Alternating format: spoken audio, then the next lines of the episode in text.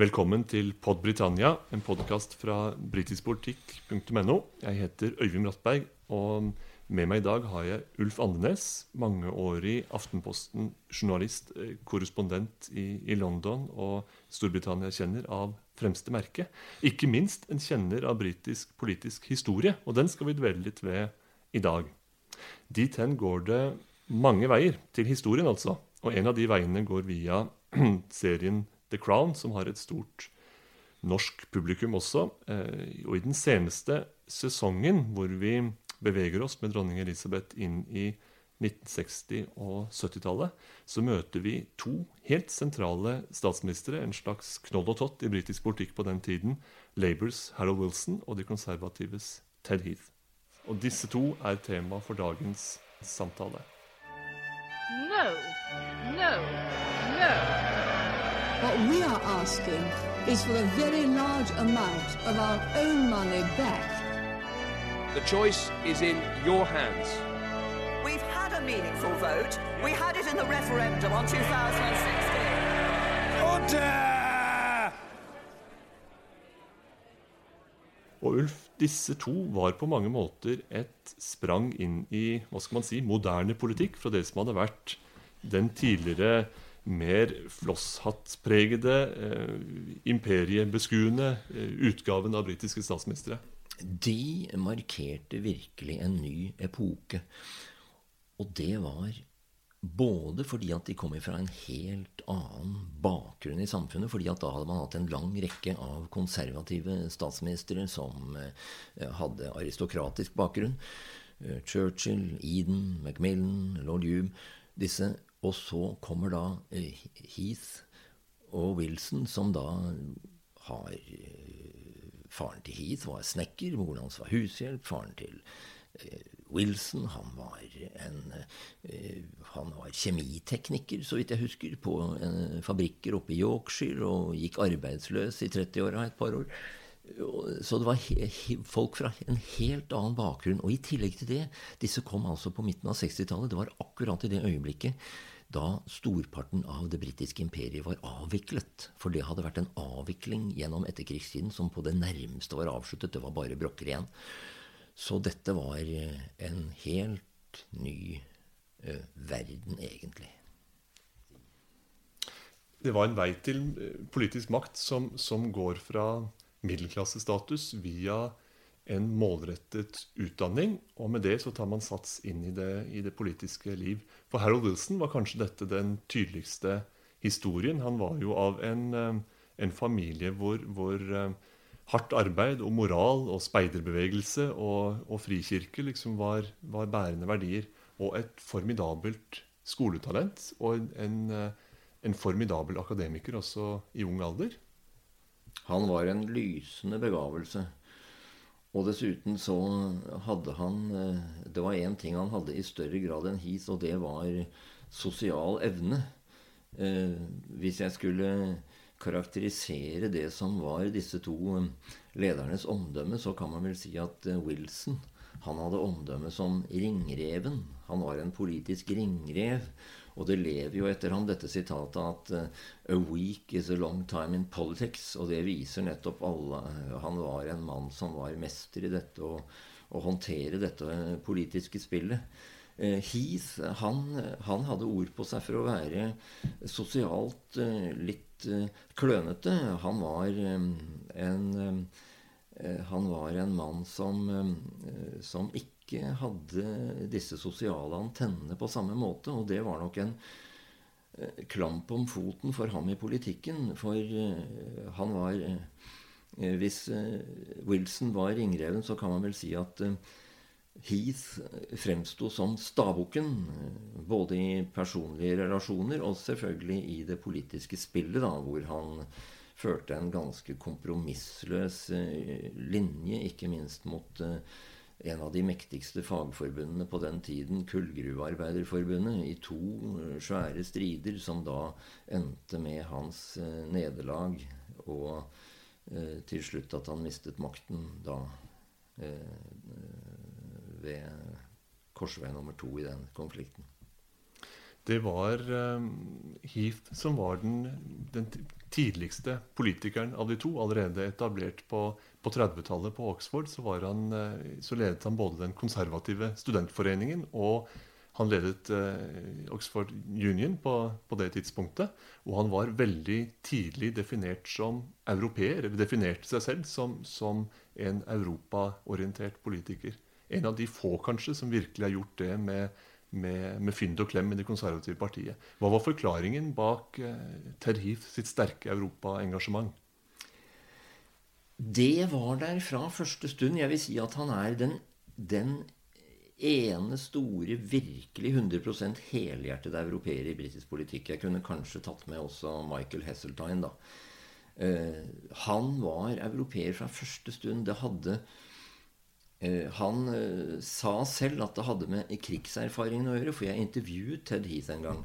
Eh, og var hjemme hos ham, faktisk. Det var riktignok etter at han hadde gått av, men da beskrev han dette her, og han sa at det var erfaringene fra krigen, annen verdenskrig. Og han tilbrakte ett år etter at krigen var slutt, som da offiser i den britiske okkupasjonsarmeen i Tyskland. Og han sa at de erfaringene han fikk da, det, det eh, inngraverte i hans sinn at eh, vi må få eh, fred og forbrødring i Europa, og vi må få et forenet Europa. Og der var han jo veldig annerledes enn veldig mange, både i hans eget parti og i Labour-partiet og fagforeningene. og og du kan si eh, det engelske folkedypet, hvor da holdningen hadde vært eh, til alle tider at noe av det verste som kunne skje, var at man skulle bli styrt av en myndighet på det europeiske kontinentet.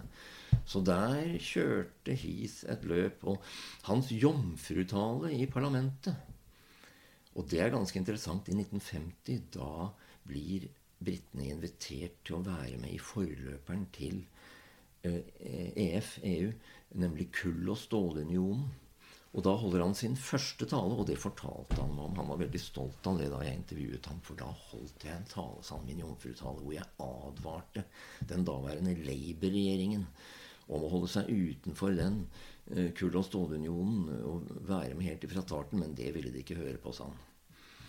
Og selvfølgelig hadde de vært med helt fra starten, britene så ville det jo vært helt annerledes. fordi at da ville de vært sjefen i Europa. De sto som seierherren i Europa, mens uh, tyskerne var en paria, og franskmennene var også ydmyket etter krigen. Isteden så kommer de da inn etter årtier etterpå og kommer inn som noen som banker på døren i en klubb hvor andre da hadde fastsatt alle reglene. Så det snakket Heath veldig mye om. Og han sa også at han var dypt skuffet over at vi nordmenn hadde stemt imot dette to ganger. Det, er å, det er lett å forestille seg. Han, hadde, han må ha hatt en stor tålmodighet også Heath i, eller vært nødt til å ha en, en stor tålmodighet i europaspørsmålet, gitt at det var definerende for ham. Han var valgt som parlamentsmedlem første gang i 1950, var det vel. og det skulle gå 20 år før han eh, ble statsminister, og, og 23 år før Storbritannia faktisk ble en del av det europeiske fellesskapet. I mellomtiden så var det jo eh, var det andre krefter som, som eh, forvaltet den britiske regjeringen. En, et godt stykke tid var det Heath sitt konservative parti som, som styrte, mens han selv hadde en, en litt tilbaketrukket rolle i partiet. Eh, Harold Wilson derimot gjorde en kometkarriere hos, eh, hos Labour. En kometkarriere ispedd mye renkespill og, og rivalisering. Men, men, Wilson fikk en sentral posisjon fra, fra første stund i, i, Labour. Hvordan forklarer du det? Ja, si det. Wilson var ikke bare at han var en lysende begavelse, men i tillegg så hadde han veldig teft han hadde teft for å plassere seg riktig i partiet. Han hadde teft for å da eh, ha kontakt med de rette menneskene. Han, han var eh, en mann som lærte seg veldig fort eh, det politiske spillet. Og han, var, han fikk stor kyndighet i det politiske spillet. Så der har han vært veldig Eh, det er kombinasjonen av dyktighet og veldig gode politiske antenner, tror jeg. de, eh, de, skulle han da også få bruk for eh, da han, han hadde etter, etter, mange sentrale posisjoner i partiet og parlamentsgruppa eh, omsider kommet dit hen at Labour var klar til regjeringsmakt på, på 1960-tallet. Da overtok han plutselig som partileder etter forgjengeren Gateskins død i, i 63. Mm. mm. Året etter var Wilson statsminister etter valget i, mm. i 64. Han ble gjenvalgt én gang i 66 da med et, et, et eh, heidundrende valgresultat. 48 oppslutning mm. i, i, folket.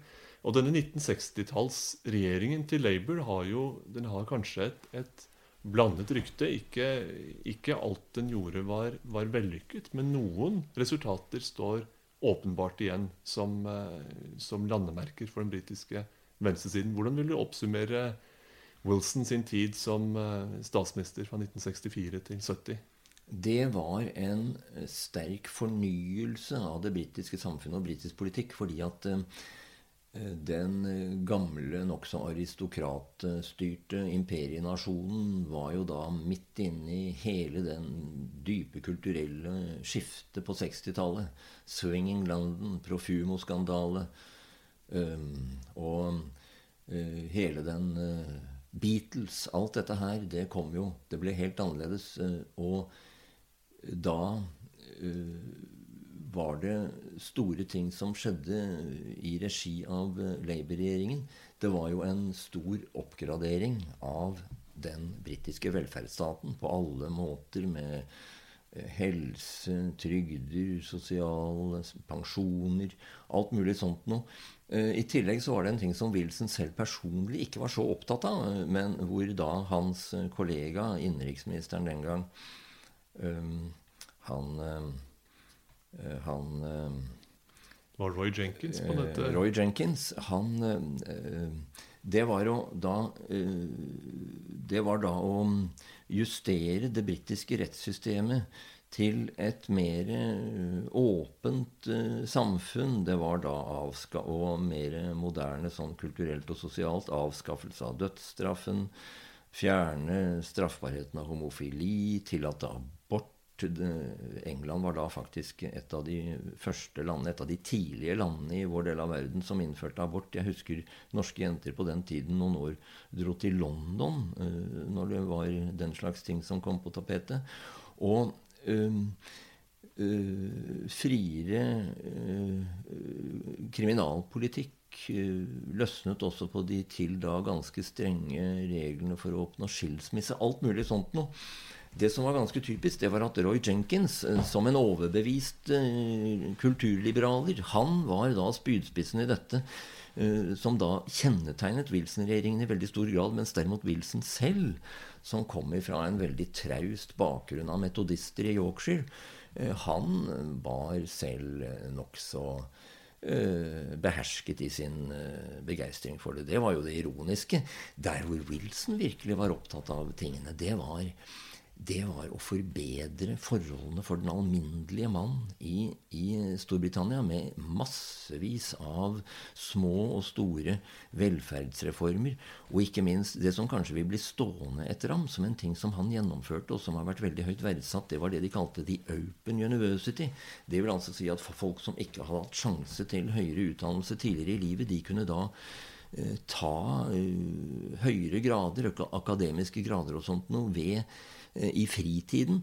Eh, og det ble satt i gang alle mulige slags ting for å hjelpe til med det. Og det var typisk Harold Wilson. Det også, det også bedre mulighetene eh, til å bedre sitt liv for alminnelige mennesker, var, der var han i sitt ess når det gjaldt den typen reformer. Akkurat som han gjorde mye for å skape bedre boligfinansiering for folk med dårlig råd. Alle mulige slags sånne ting. Der lå Eh, Wilsons eh, sterke interesse, særlig det å bedre ved de tusen små reformer, små og store reformer, bedre forholdene for den alminnelige mann. Så kunne heller kulturliberaleren Roy Jenkins eh, gjøre Labour til en foregangskraft for alle disse her, mer sosiale, kulturelle reformene.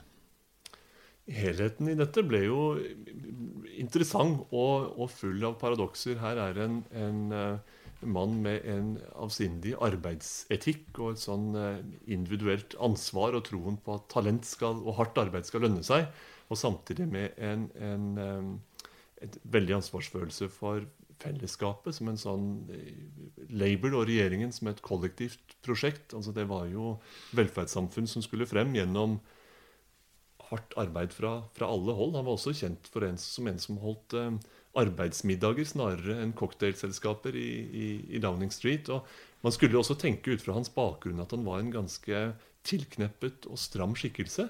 Men inntrykket du får fra The Crown i møte med dronningen, var at han også var, om ikke en sjarmør, så i alle fall en, en mann med mange sympatiske eller sjarmerende sider. Iallfall så fikk han et, et, en oppsiktsvekkende eller overraskende god tone med dronningen. Og her er eh, vel framstillingen i The Crown på linje med det historiske kilder sier, at hun, han var hennes første Labour-statsminister. Den første fra lavere middelklasse, slik han jo eh, var, og fra, fra, nord, og med en meget annerledes sosial bakgrunn.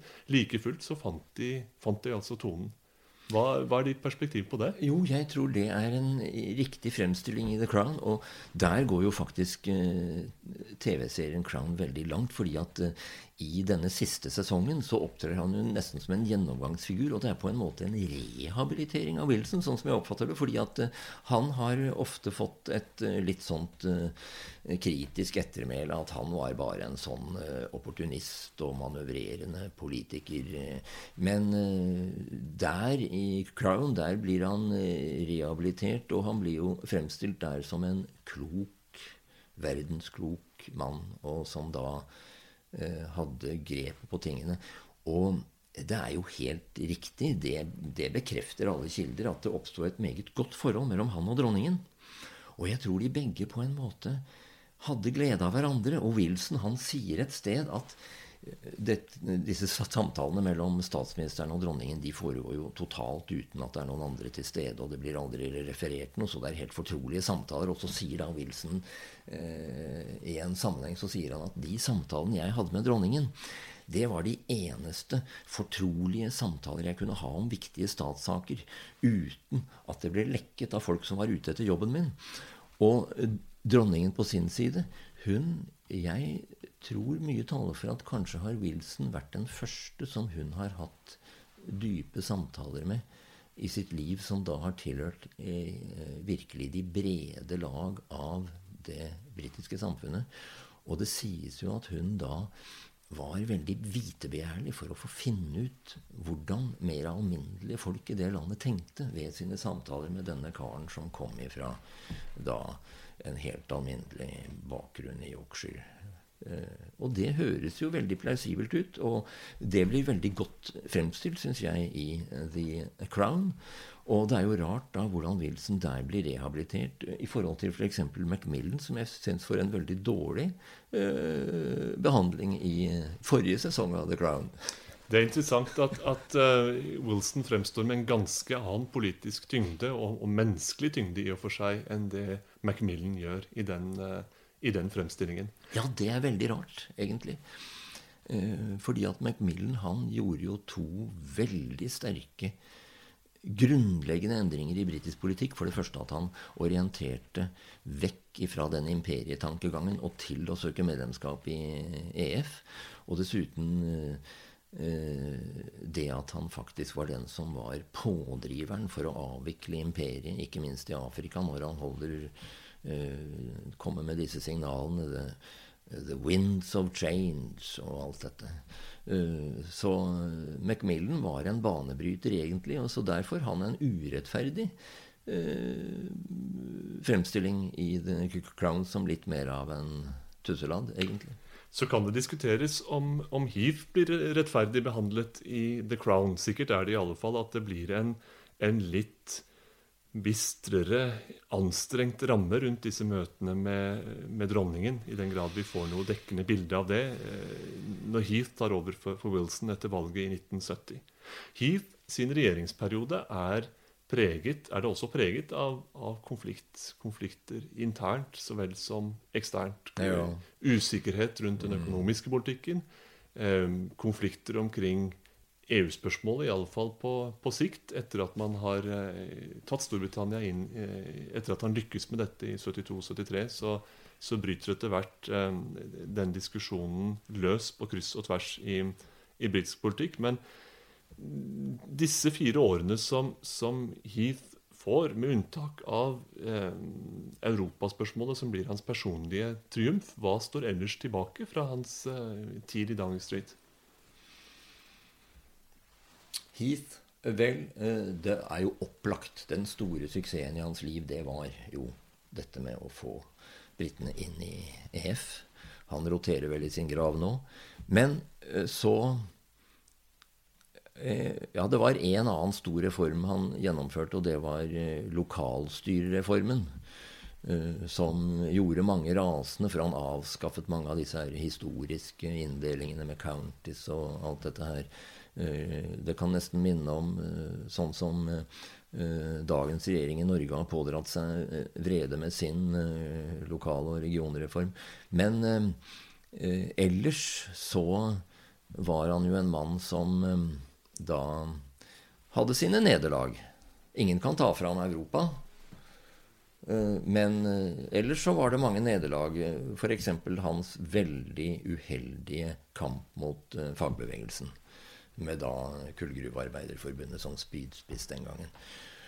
Eh, og det Jeg vet ikke hvor mye vi har tid til å gå inn i det der, men, men eh, han viste seg da som en ubøyelig og nokså utaktisk kar.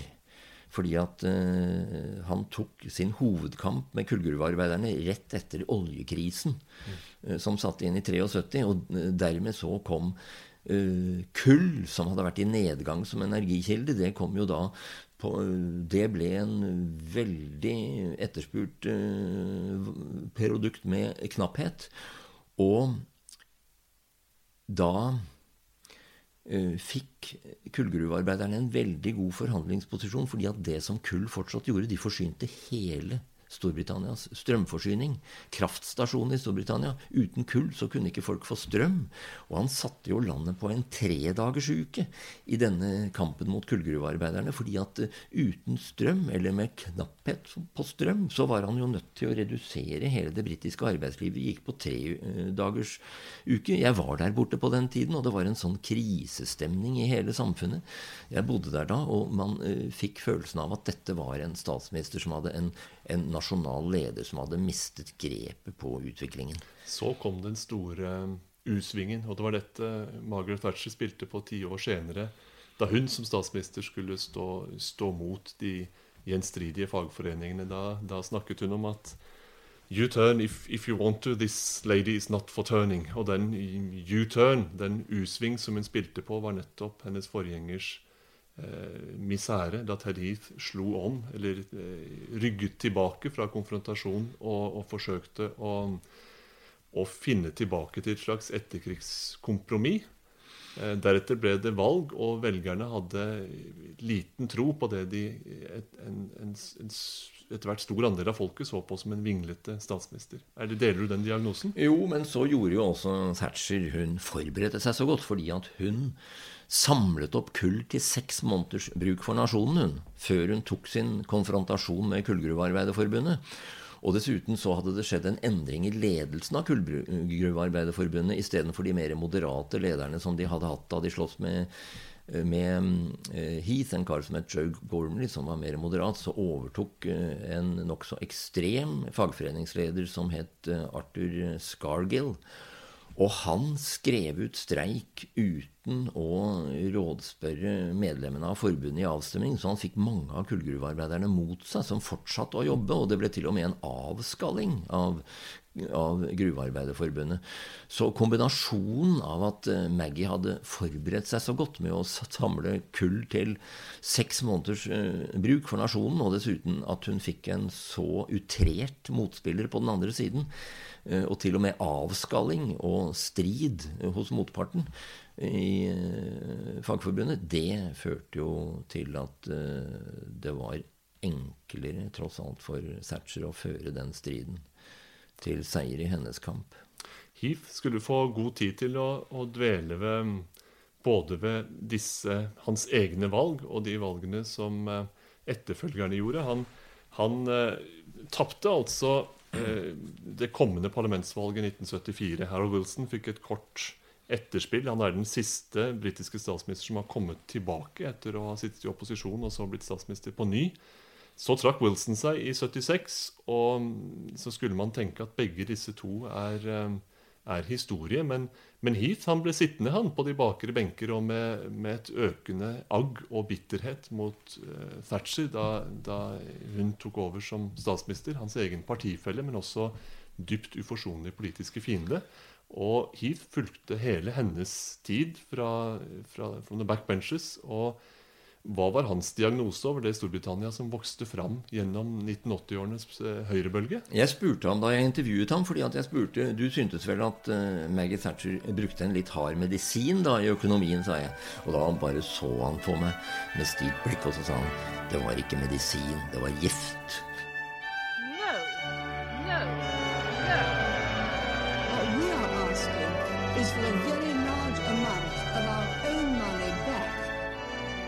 choice is in your hands. We've had a meaningful vote. We had it in the referendum on 2016. Order!